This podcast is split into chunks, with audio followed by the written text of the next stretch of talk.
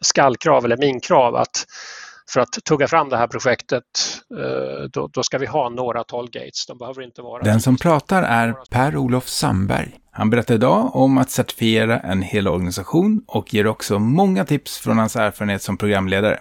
Stort tack för att ni lyssnar. Nu är ni ett par tusen som lyssnar varje månad. Jättekul tycker jag. Hör av er med tips om vad ni vill att vi ska prata om i projektledarpodden i framtiden. Men nu kör vi! Du lyssnar på Projektledarpodden. En podd för dig som gillar att leda projekt och vill lära dig mer av andra om projektledning. Idag har vi en av Sveriges mest kunniga programledare. Han är certifierad på IPMA A-nivå, vilket färre än tio stycken är i Sverige. Han har genom åren varit starkt engagerad i Svenskt projektforum. Välkommen tillbaka, Per-Olof Sandberg. Tack Mattias. När du var här senast så pratade vi bland annat om IPMAs projektledarcertifiering. Idag ska vi bland annat prata om IPMAs Delta-certifiering. Vad är det för något? Ja, eh, IPMA Delta är en, liksom individcertifieringen som vi pratade om sist, så är IPMA Delta eh, IPMAs världsstandard för att både certifiera och eh, även skapa så att säga, ett startläge för en förbättring i miljön kring våra projekt, program och portföljer. Du, du säger startläge, eh, vad menar du med det? Jo, eh, en IPMA Delta-certifiering det är ju dels Eh, får man ett certifikat oavsett hur det går och det skiljer sig lite grann mot en individcertifiering, det vill säga man har modet att eh, låta sin organisation utsätta sig för en totalt oberoende granskning av vilken samlad förmåga organisationen, företaget eller delen av företaget har för att bedriva effektiva projektprogram och projektportföljer. Så det är den ena, den, den får man alltid om man eh, utsätter sig för det här eller köper en sån här certifiering. Det andra man får det är ju en eh, rejäl feedback på ungefär, eh, jag tror att det är 15 eller 16 kompetenselement som är utspridda över tre olika områden. Och de, de, den feedbacken eller den poängen som man får då, den är mellan 1 och 5 eh, är ju antingen tillräckligt bra för den verksamheten man, som organisationen bedriver och eh, då är man jättestolt för att man har ett certifikat eller så säger man att det här är inte tillräckligt bra för den verksamheten vi bedriver. Jag vill gå från en tvåa till en fyra på det här området eller jag vill gå från en trea till en fyra eh, över hela så att säga, snittet över alla kompetenselementen. Kan man då benchmarkas eller jämföra sig med andra organisationer när man gör det här? Ja, det kan man absolut göra. Eh, det finns, det finns ju ett antal företag över hela världen som har utsatt sig för det här, både Ryssland och skandinaviska länderna och på andra delar av världen. Eh, så det kan man göra, men kanske den viktigaste benchmarkingen den gör man ju mot sina egna förutsättningar eller sitt eget benchmark som man gör och första gången man man gör en sån här IPMA Delta-certifiering. Är tanken då att man upprepar den här en gång per år eller varannat år eller någonting för att se att man har förbättrat sig? Ja, det är återigen tvåhövdat det svaret. Så att för att behålla certifikatet så behöver man göra en ny sån här granskning. Jag tror att det var tredje år. Men eh, om du är väldigt hungrig och ivrig på din förbättring, då kan du köpa den här tjänsten oftare än så. Så du kan ju välja att komma tillbaka om ett år till exempel från första läget och göra en ny granskning eh, och få ett nytt värde, förhoppningsvis bättre. Behöver man certifiera hela organisationen eller kan man ta delar? Man kan välja fritt. Det finns eh, fyra olika ambitionsgrader. Eh, den lägsta ambitionsgraden det är ju då en, en mindre del av organisationen. Det kan vara en portfölj, en division eller en avdelning som man vill genomlysa och den kallas för small. Sen är det nästa medium, large och sen den fjärde då är extended. Och extended det betyder att man mer eller mindre certifierar hela företaget. Och när du frågar vad NIPMA Delta är för någonting, då ska jag bara passa på att säga att eh, vi pratade ju sist om att när man certifierar individer så tittar man på people, practice och perspective, det vill säga eh, projektledarens ledarskap, det är people, eh, perspektiv är väldigt mycket strategisk alignment, det vill säga det här projektet har en, en miljö, en omgivning och en, en, en, en, ett företag som kanske har övergripande mål som man behöver aligna mot. Och det tredje är ju practice då som handlar om verktyg, metoder och ja, tekniker helt enkelt. Eh, I IPMA Delta-fallet så tittar eh, assessorerna på eh, tre saker. Det första är hela organisationens samlade förmåga att bedriva effektiva projekt. Och där finns ju bland annat då, eh, finns, har företaget övergripande mål och en vision och en mission och en värdegrund och är den alignad med projekten och intresserar sig företagsledningen och företagets eh, som helhet då för att vara alignad med eh, projektet eller programmet eller portföljen. Och det är nästan kärnan i IPMA Delta. Sen finns det två delar till. Eh, den ena är då individual eller individuals, alltså individer. Och där har vi ju till stora delar då projektprogram och projektportföljledare och då är det inte deras kompetens som ingår i den här certifieringen eller granskningen utan det är företagets förmåga att eh, enabla, eller vad ska vi säga, eh, få de här projektledarna, programledarna, projektportföljledarna att utvecklas och verka. Att de inte blir hämmade av företagets antingen förmåga eller bristande förmåga eh, att bedriva projekt. Och den tredje delen det är då projekten själva. Alltså man tittar på hur går projekten och är intressenterna nöjda? Tycker de att de projekten som organisationen har genomfört skapar det värde som var förväntat? Så att summeringen av IPMA Delta är att eh, man tittar på omgivningen av projektet, inte på projektledarkompetensen i sig. Alltså man tittar inte på det samlade projektledarskrået på företaget och bedömer den. Den är egentligen inte alls med. Den är med indirekt då genom att man tittar på att har projektledarna möjlighet att verka, hur talangfulla de än är så kan det vara brister i resursanskaffningsprocesser, projektmodeller, eh, ledarskapet hos företagsledningen och så vidare som gör att projekten inte lyckas trots att vi har en IPMA-certifierad projektledare på plats till exempel. Om man går in på det lite grann, hur går det egentligen till då? Alltså är det intervjuer eller vad gör ni? Det första som händer det är ju att det tas en kontakt mellan eh, organisationen som vill certifiera sig och någon av de medlemsorganisationer som finns i världen. I Sverige har vi ju Svenskt projektforum och då kontaktar man Svenskt projektforum och säger att jag är intresserad av att veta mer eller till och med jag är intresserad av att genomföra en ICMA Delta-certifiering. Eh, och då sker det ett första möte mellan eh, medlemsföreningen och företaget där man kommer fram till en, i ett startmöte vilken ambitionsgrad är organisationen intresserad av. Det kan ju vara, som jag sa tidigare, då, det kan ju vara en del av företaget eller så kan det vara hela företaget. Och jag vet att jag nämnde sist att eh, först ut i Sverige var ju SKB, alltså Eh, företaget som ser till att förvara på ett säkert sätt våra kärnbränsleavfall från våra kärnkraftverk. Eh, de valde att certifiera hela sitt företag och då blev det en extended, det vill säga den högsta ambitionsgraden. Eh, och när man har gjort det, bestämt ambitionsgraden, då ser man till att man är överens över vilken ersättning som medlemsföretaget ska ha och sen kör man igång. Och då tar en sån här certifiering någonstans mellan två och sex, ja kanske inte sex, men två, två till fem månader. Det är lite grann hur mycket, hur mycket tid som de som ingår i IPMA Delta-certifieringen lyckas skruva bort från sina redan fulla kalendrar. Det är det som är begränsaren. Och de som, utgör, eller de som gör den här certifieringen det är alltid totalt oberoende assessorer, eh, alltså samma typ av kompetens som vi använder för våra individcertifieringar. Men det är klart att kravet på en IPMA Delta-assessor är ganska högt. Eh, de ska vara A-certifierade själva. Eh, det gör ingenting om de kommer från ett annat land och i, eh, i SKB-fallet så var det från Schweiz. Ehm, tre stycken assessorer från Schweiz som genomförde hela den här IPMA Delta-certifieringen. Och eh, det som, det som ingår i själva granskningen det är en kombination av självutvärderingar från de som eh, ska ingå i mätningen. Det är eh, personliga intervjuer på ungefär en timme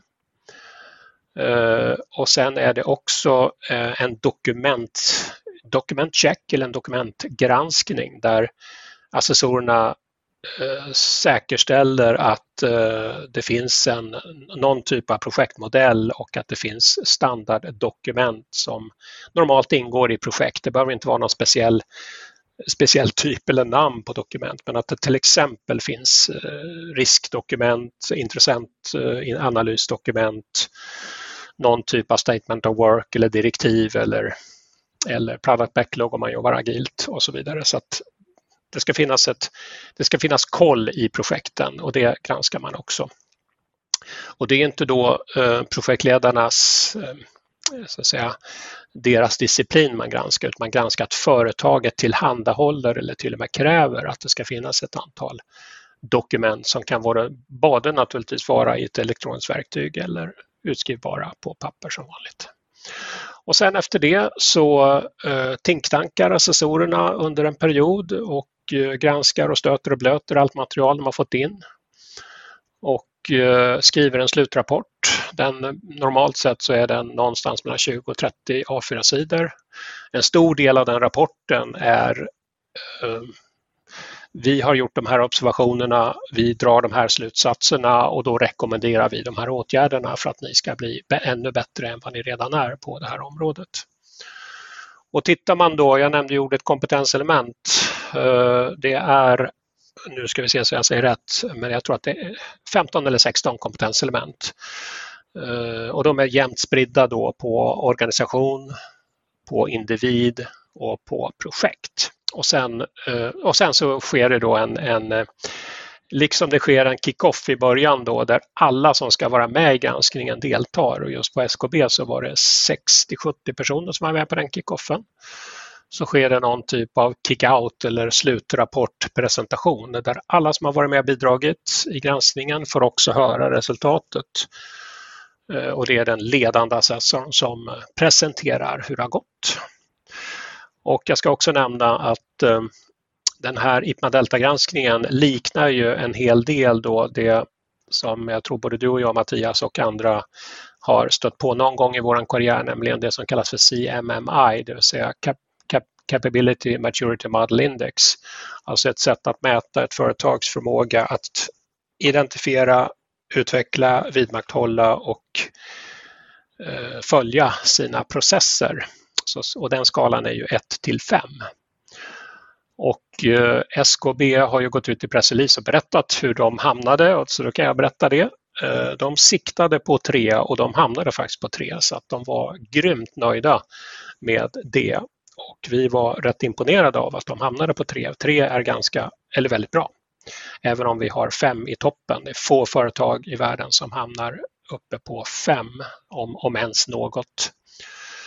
Och det är ju ett mått på hur, hur moget det här företaget är på att härbärgera och lyckas med sina projekt på en skala 1 till 5. Du nämnde SKB, eh, att de var på nivån extended. Vilka ambitionsgrader finns det?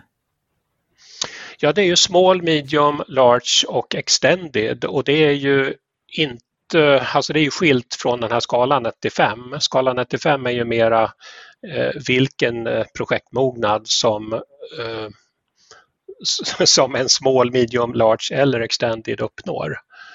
Eh, och SKB som sagt, de valde ju då att certifiera hela sitt företag eh, och de, de inser ju och jag håller med helt och hållet att deras verksamhet den består till 80 procent av stora viktiga program eh, för att eh, bygga Eh, säkra förvaringar för vårt kärnbränsleavfall. Eh, så det var ju kul att den första IPMA Delta-certifieringen i Sverige blev en extended och att den blev väldigt den kom, de följer väldigt väl ut. Så att nu hoppas jag att de berättar det med full kraft hos sina ägare Vattenfall och att de också blir väldigt intresserade av det här och anmäler sig raskt naturligtvis till en mätning de också. Och hur vanlig är den här certifieringen i världen? Du nämnde att det här var den första i Sverige. Ja, den det är första i Sverige eh, och naturligtvis efter att eh, diverse pressreleaser har gått ut och det här har blivit känt så är det ju fler företag som har hört av sig både till mig och Svenskt projektforum med intresse att genomföra det här så att det är otroligt roligt. antalet, antalet typ Hipma Delta-certifieringar i världen är inte jättemånga. Jag tror att det rör sig om någonstans 33-34 stycken. Men då ska vi veta att flertalet av dem har skett de sista åren. Eh, och eh, flera länder med ganska exotiska namn har ju gjort flera deltamätningar och eh, några var förvånade att Sverige inte hade gjort någon alls när vi kom igång med det här i våras. Så att 30-40 stycken totalt.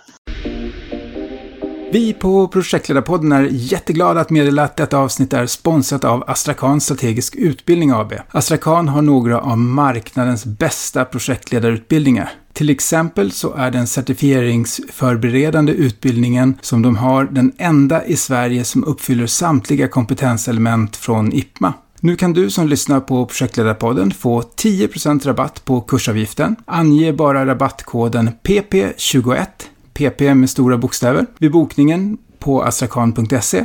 Boka nu, då antalet rabatterade platser är begränsade.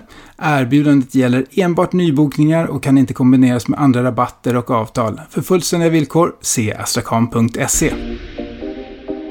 Och varför ska man då certifiera? Du har varit inne lite grann på att man får den här rapporten med vad man kan förbättra sig. Men eh, det tar ju ändå mycket kraft från organisationen, så vad motiverar att man ska göra det här? Ja, eh, det första eh, det är ju att eh, bara genom att anmäla sig till en sån här granskning, det vill säga att, att våga ha gatsen att utsätta sig för en sån här granskning är ju ett styrkebesked bara det. Och det skapar egentligen inte något mer värde än att man medvetandegör för sig själv och sina medarbetare och sina organisationer. Vi är intresserade av att veta hur vi står när det gäller projektmognad. Vi vill lyckas med våra projekt. Så att bara det, liksom själva anmälan blir ett styrkebesked och en signal till sin organisation att för oss så är det här väldigt viktigt. Och eh, i SKBs fall då var det ju VD Johan Darst och deras projektchef Johan Hedlund som eh, tog kontakt med mig och sa att vi vill göra den här mätningen. Och när jag berättade för dem att eh, det är få företag i världen som vågar utsätta sig för det här så sa de genast, vi, när kör vi igång? sa de. Så att då hade vi dem absolut ombord direkt. Det vill säga de var väldigt, väldigt måna om att veta var de ligger och de var absolut inte de hade ingen som helst tvekan över att allt vi mäter förbättras. Det är ju liksom en naturlag. Du var inne på SKB-certifieringen, du berättade hur du började. Kan du berätta lite mer, givetvis med hänsyn till sekretessen, hur det gick till steg för steg och eh, kanske vad ni kom fram till? Om vi börjar med eh, valet av IPMA, för det tycker jag är lite intressant.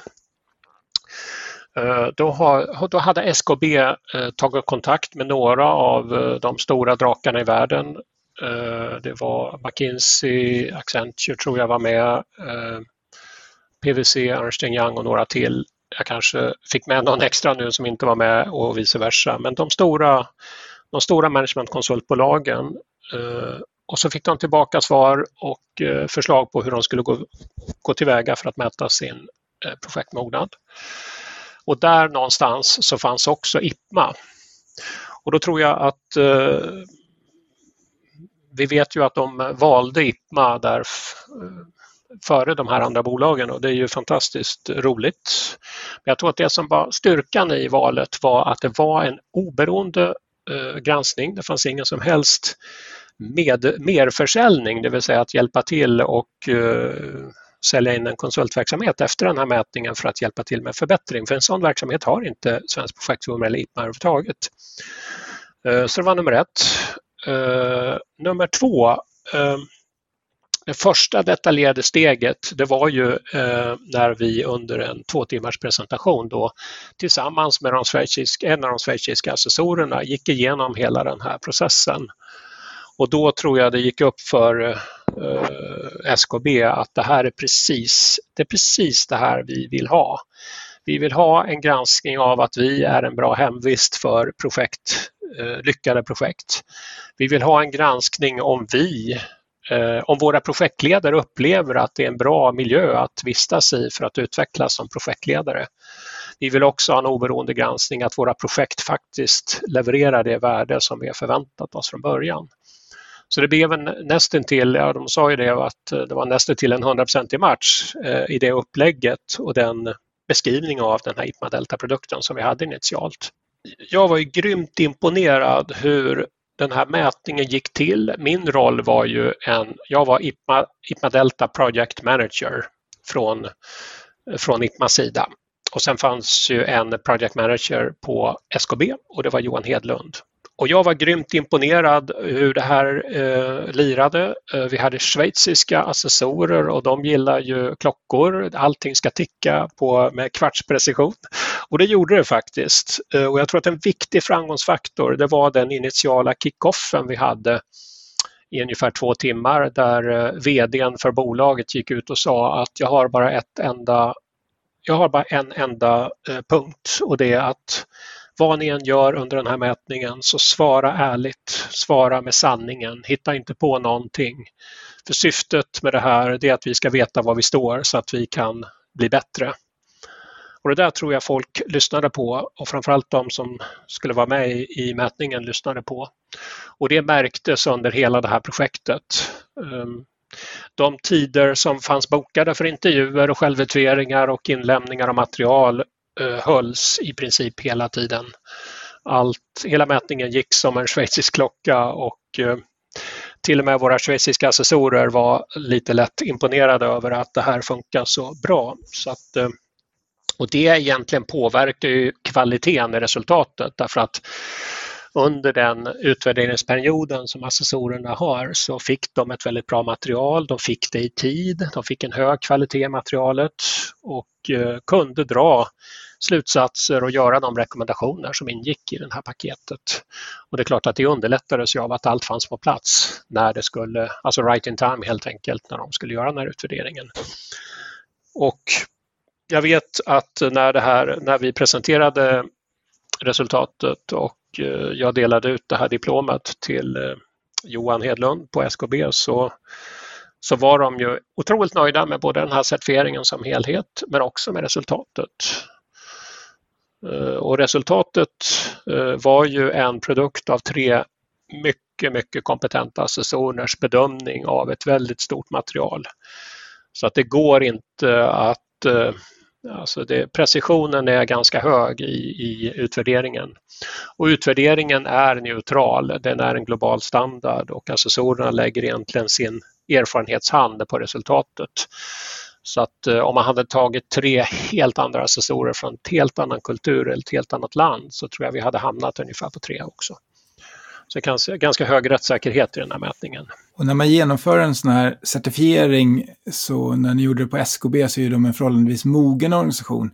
Skulle du kunna säga att det är nyttigt även för en organisation som är under uppbyggnad att göra något sånt här? Ja, absolut.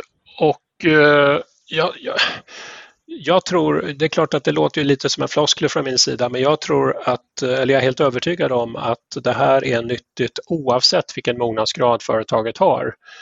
Eh, är man ett, eh, ett nytt företag som inser att eh, en stor del av vår verksamhet kommer att bedrivas i projektprogram eller portföljform, då är det oerhört bra att starta med en sån här mätning för att få reda på var står vi någonstans. Och det kan ju vara så att man åtminstone vill etablera en projektmodell och någon typ av projektledarkultur på företaget innan man gör mätningen. Men ganska snart efter det tror jag det är väldigt nyttigt att göra den här.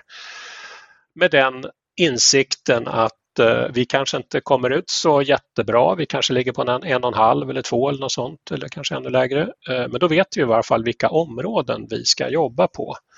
Och områdena, det är, inte, det är ett nyckeltal som är den här medelvärdet av de 15 kompetenselementen. Men varje kompetenselement i sig kan ju variera ganska kraftigt. Nu var SKBs resultat ganska alignat, så de låg någonstans mellan 2,5 och 3,5 eh, på alla, alla kompetenselement. Men det kan ju vara så att man är eh, man är jätteduktig på att bedriva projekt men egentligen vet man inte varför man driver dem. Man har inte kopplat dem till företagets strategiska målsättning. Och då kan man få lite lägre på just det kompetenselementet på organisation. Och det är ju bra att veta för då om det är någonting man ska ha koll på så är det ju eh, varför driver jag det här projektet och hur bidrar, hur bidrar det till företagets eh, strategiska utveckling? Det är kanske, kanske ett av de viktigaste sakerna en, en företagsledning bör fundera på som har mycket projekt. Och du har ju själv varit programledare för stora program. Hade det här varit något för dem och de organisationerna? Ja, ett tveklöst ja. Eh, jag tror att både du och jag Mattias och många som eh, hoppas jag lyssnar på den här podden eh, fundera lite grann på eh, vad, vad, har de stora hindren i våra projekt varit? Och det är inte alltför ovanligt att de hindren ligger utanför projektet. Sen är det klart att eh, vi måste se till att våra eh, våra team kan samarbeta på ett bra sätt och att de vet vad de ska göra och allt det där som projektledaren normalt gör. Eh, men ofta är det ju så att så fort man går utanför projektet, man kräver in ett beslut eller man ska ändra en process som man inte själv råder över, man behöver resurser, vi behöver förändra resurser, vi behöver beslut från en företagsledning eh, och så vidare. Där eh, finns det ju ofta en förbättringspotential och den förbättringspotentialen når du definitivt med en IPMA-delta-mätning. Det är i princip rakt in i hjärtat av den här Eh, projektmognadsmätningen. Och vi ska ju veta att eh, det finns många projektmognadsmätningar i världen, många, många hundratals olika produkter. Det finns många i Sverige till och med. Jag tror att styrkan med eh, IPMA Delta för, från IPMA det är två saker. Det ena det är det totala oberoendet. Att assessorerna får inte och kan inte ha någon som helst eh, bias säger man ju på engelska men, men att, att de är jäviga på något sätt. Och det andra det är att det är en global standard. Det är precis samma mätning som man gör oavsett industri och oavsett land i världen. Och det är en enorm styrka att den är så pass spridd. Vi har nämnt här programledare och projektledare. Och vad är skillnaden mellan de två? Alltså för mig så är program, det är ett begrepp som jag använder mig av när, när um, om vi tar ett exempel, en, en, ett företag eller en företagsledning bestämmer sig för att vi ska vi måste öka vår marknadsandel i Sverige på våra industriprodukter från 20% till 40% Det är vårt mål och vi vill, vi vill öka den marknadsandelen med, vi vill göra den på tre år. Eh, och vi är beredda att satsa 400 miljoner på att göra den eh, marknadstäckningsökningen eh, Eh, men däremot så vet du inte riktigt vad, vad, vad ska vi göra då? då? Uh, inte helt klart. Vi vet inte riktigt vad vi ska starta för projekt eller göra för någonting men vi vet att vi har ett mål, vi har en tid och vi har en påse eh, med pengar för att satsa på det här. Och för mig så är det någon, ett program, det vill säga ett samlat initiativ där de olika ingående komponenterna i programmet delar det här övergripande effektmålet och en jämförelse det är till exempel ett konsultbolag som har ett antal olika affärsgrenar. Eh, de, de delar också någon typ av effektmål som är vår våran return of equity eller omsättning eller något sådant. Men själva projekten har inte något annat funktionellt beroende till varandra. Och då pratar vi mer om en projektportfölj och också om mer en linjearbete där man varje år sätter nya mål för den här projektportföljen. Man kanske också förändrar dess innehåll och ser till att grooma värdeskapandet i varje projekt och balansera både resurser och medel mellan projekten utan att de egentligen har något leveransberoende till varandra. Och sen har vi det tredje då, ett, ett riktigt stort projekt, ett megaprojekt. Så det exemplet har vi till exempel på Södermalm just nu med Slussen om bygget. För mig så är det ett väldigt stort projekt. Det är en fördel att vi vet så bra som möjligt vilka projekt vi har och vad de kostar och vad, vilka tider de behöver bli färdiga för att allting ska bli klart på den tidsrymden vi har. Eh, och då har, vi ju, då har jag lite, lite grovt och lite slarvigt definierat både projektportfölj, program och projekt.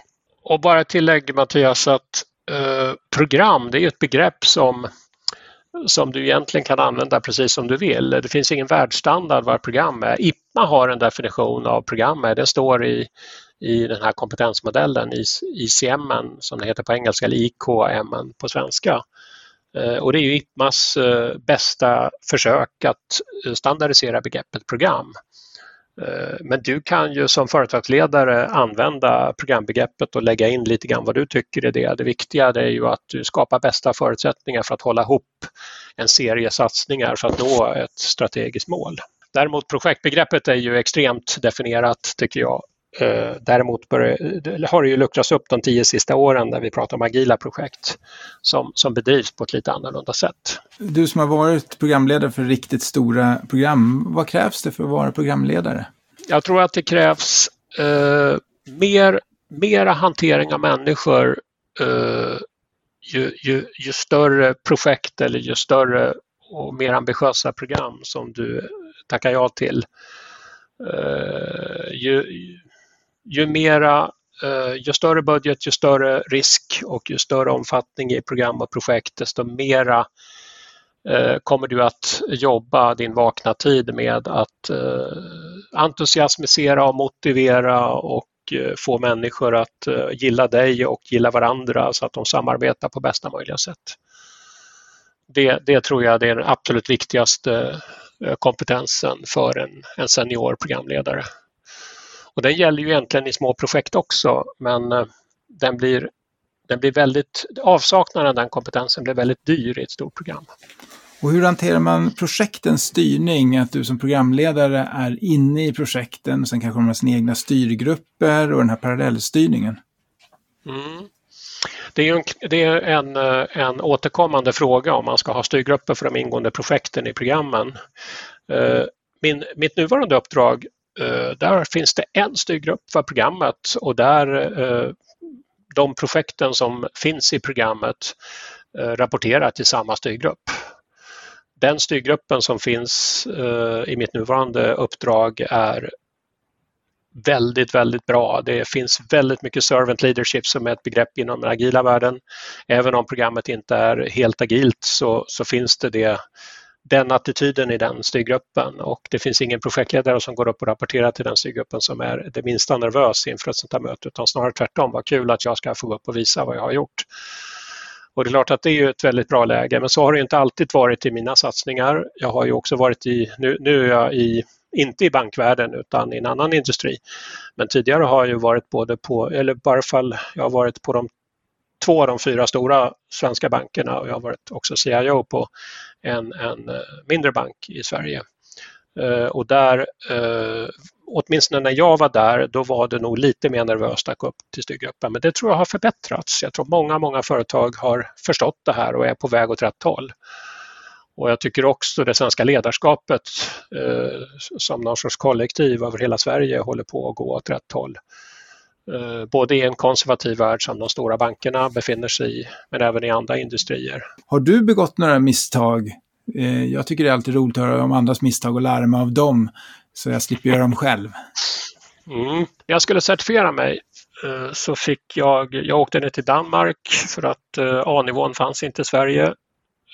Jag åkte ner till Danmark och som en del av certifieringen på A-nivå i Danmark så fick, jag tror fortfarande är det så i Danmark, att varje kandidat på A-nivå får eh, en, en riktig eh, uppgift att lösa, en, en riktig ledaruppgift att lösa. Och jag hade två stycken representanter från eh, Köpenhamns kommun, jag tror att det är preskriberat nu så då kan jag säkert prata om det. Eh, och de berättade om en utmaning eh, de hade med sin projektportfölj och eh, jag angrep den utmaningen med att adressera behovet av en projektmodell och eh, någon typ av governance eller uppföljning av projekten. Eh, jobba med effektmål och produktmål och utbilda projektledarna och skaffa, skaffa en, en, någon typ av center of excellence för alla projektledare på kommunen. Eh, och jag märkte ju att de lyssnade artigt och nickade Eh, sen efteråt när jag träffade mina assessorer så frågade de mig vad, vad, tror du att de hade för övergripande mål, de här två personerna som hade problem med sin projektportfölj? Och de sa det, det var ju att lyckas med sina projekt och veta hur de gick, eh, svarade jag. Eh, och eh, det jag hade missat det var ju att förstå att eh, de här personerna var naturligtvis mera intresserade, eller också väldigt intresserade av att bli omvalda i nästa kommunalval och inte hamna i kvällspressen. Och det påverkar naturligtvis eh, arbetet med projektportfölj. Eh, så det fanns några övergripande mål som egentligen han inte hade varken med projektportföljen eller själva projekten i sig att göra. Och det där är väl någonting viktigt att ta med sig som projektledare att, eller programledare när, när du går i olika verksamheter, olika industrier och olika företag. Eh, ta reda på vad som driver både intressenterna du har på andra sidan bordet men även företaget eller organisationen i sig. Det behöver inte vara funktionella eller ekonomiska mål. Det kan finnas andra mål eller andra effektmål som är väldigt viktiga och som egentligen präglar hela, hela ledarskapet och hela eh, projektmiljön eller programmiljön där du befinner dig. Har du några fler bra saker som du vill tipsa andra om? Det finns ju en uh, jättespännande diskussion just nu. Den far omkring på LinkedIn och säkert på andra sociala medier där det finns, och det finns en diskussion om hur viktigt det är att ehm, att, var, att skapa förtroende eller jobba med förtroende eller att man har förtroende för varandra när man ska samarbeta. Eh, och det finns en, en rolig graf med en X och en Y-axel där det på X-axeln står eh, förtroendet för dig som individ hos din omgivning och på y-axeln så står det din performance. Eh, och de som presenterar de här de hävdar ju då, eh, vilket jag tycker är otroligt spännande, att eh, en, en nästintill 100% prestandamänniska är i, i stort sett verkningslös om inte omgivningen har förtroende för dig som individ.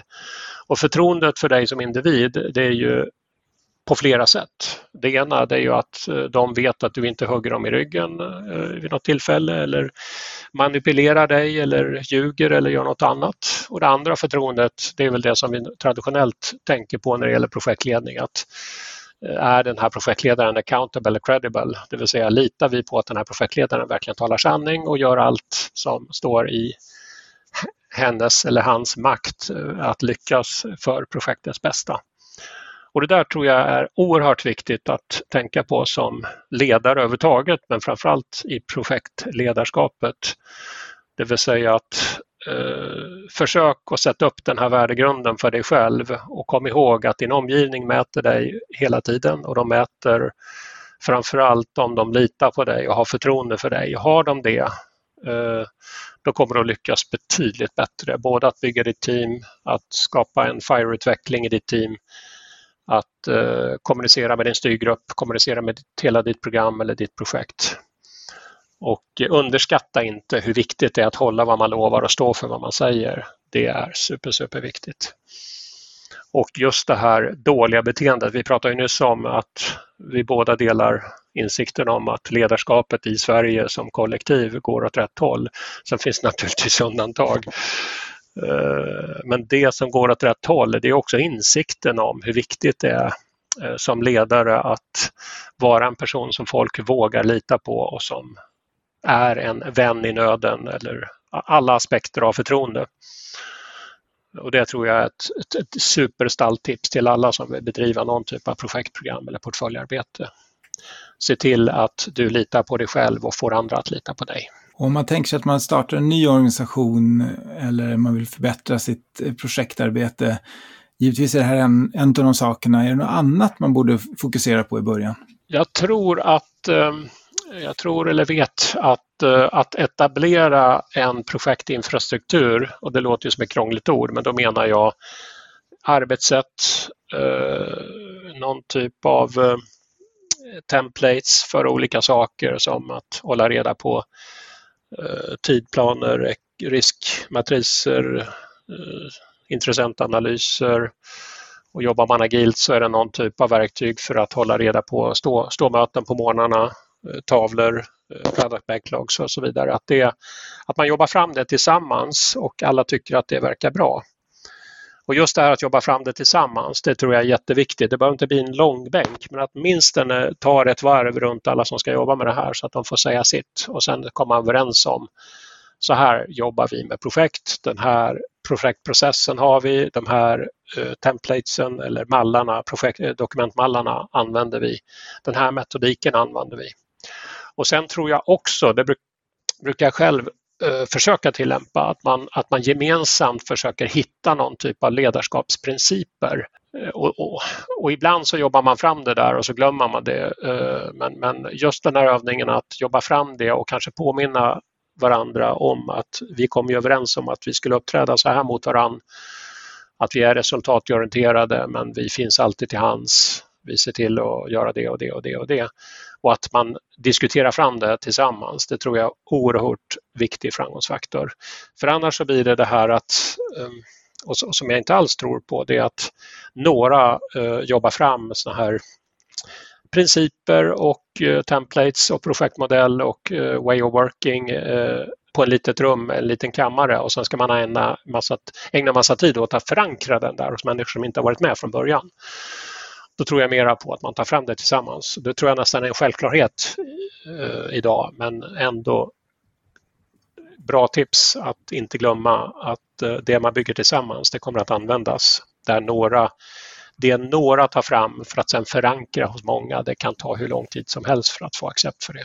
Det jag har sett i ett antal organisationer det är att man har tagit fram den här strukturen, den är riktigt bra, man lanserar den, den börjar användas och sen dör det här ut. Har du något tips om hur man hanterar det? Jag tror att eh, en antagonist mot att inte använda det man har tagit fram, det är att man är för ambitiös i början. Det är för många templates, det är för många tollgates i projektmodellen, den är för krånglig, det är för mycket skallkrav. Eh, jag tror att om, om man skaffar sig en arsenal eller ett smörgåsbord med eh, mallar och verktyg och annat som alla får plocka upp frivilligt så är det en väldig fördel. Men sen tror jag på att eh, man har ett, någon typ av eh, skallkrav eller minkrav att för att tugga fram det här projektet eh, då, då, ska vi ha några tollgates. De behöver inte vara tio stycken men några ska vi ha. Uh, och för att tugga fram det här projektet så ska du åtminstone ha fyllt ut någon typ av statement of work eller någon, någon uppdragsbeskrivning eller någon scope-beskrivning. Eh, och skulle vi jobba agilt, agilt då ska du ha en product backlog och du ska ha ståmöten och du ska ha retroperspektiv och demos och eh, sprintplaneringar eller så eh, som ett minimum och sen är det upp till var och en att lägga på det som behövs från smörgåsbordet. Och jag tror att stor, den stora anledningen till att man inte orkar det är att det blir för mycket och det skäl, skäl tid från det som man själv bestämmer är mera värdefullt. Eh, och sen är det ju så att det är inte säkert att man själv vet vad som är det viktigaste. Det kan ju vara så att just att vi, att vi tar den här Tollgate-mötet, det är jätteviktigt för att då kommer, det att, då kommer det fram om vi verkligen är mogna för att skala upp vårt projekt eller inte. Så att jag tror på en liten mängd eh, obligatoriska mallar eller obligatoriska beslutsmöten eh, i stora satsningar framförallt då, men även i mindre. Men jag tror att det är också en fördel att man har mer att tillgå vid behov. Och sen finns det självklart så en fördel att jag menar, risk, riskarbete oavsett eh, vilken utvecklingsprocess du använder eller vilken projektmodell du använder, det måste finnas. Och då är det en fördel om vi kan eh, prata samma språk så att vi inte använder en femgradig skala i ett projekt och en tregradig skala i ett annat projekt utan att vi kommer överens om att här kör vi fyra nivåer och då vet vi, då kan vi kommunicera på ett bättre sätt. Har du sett det här med projekt och deras komplexitet vs eh, projektledare och deras kompetens, att man har använt det på ett bra sätt i organisationerna? Jag har sett både, både och skulle jag vilja säga. Och, jag tror att, jag vet inte om det är kanske det du tänker på, att när man tillsätter en projektledare för ett uppdrag eh, och det kan ju vara mer eller mindre komplext då, då är det naturligtvis roligt att, eh, oj vad roligt att jag får det här eh, komplexa uppdraget. Egentligen har jag bara bedrivit enkla projekt tidigare men nu ska jag minsann visa vad jag går för och så, så tar man sig an ett, ett väldigt, väldigt svårt uppdrag som man egentligen inte har kompetens för. Sen kan man ju snabbväxa i början av det uppdraget och lyckas ändå. Eller så drunknar man därför att man halkar efter och har inte, har inte stött på, eller man har inte erfarenhet från flera saker i det komplexa uppdraget som man skulle haft väldigt mycket nytta av. Och det där är naturligtvis en balans. För att eh, motsatsen till det, det är ju att man antingen får ett uppdrag som är eh, av enkel karaktär, man egentligen har en högre potential som projektledare och så kan man tycka det är tråkigt. Eller att man hela tiden gör samma typ av uppdrag gång på gång på gång och känner att jag har stannat av i min utveckling. Eh, men jag tror att jag tror och jag vet, det är ju många projektledare, eller rätt sagt ganska många komplexa projekt som byter projektledare eh, för att lyckas och så byter man igen och så byter man igen och jag vet att en av de stora bankerna som jag har varit anställd på, de, hade, de var uppe i 11 projektledare för ett projekt. Och då finns det ju andra saker som inte fungerar. Det är inte projektledarens kompetens som, är, som inte räcker till då, utan det måste vara andra saker. Till exempel sånt som man mäter i en IPMA Delta-mätning. Eh, det kan vara styrgruppens eh, servant leadership, det kan vara eh, överhuvudtaget framgångsfaktorer runt i miljön som inte är på plats. De kommer aldrig att vara på plats och det här projektet kommer aldrig att landa tills den dagen när man eh, förbättrar projektmiljön, byter ut styrgruppen eller byter delar av styrgruppen eller hittar en kultur i styrgruppen eller i projekt, det gemensamma projektarbetet som är tillräckligt bra för att lyckas med projektet.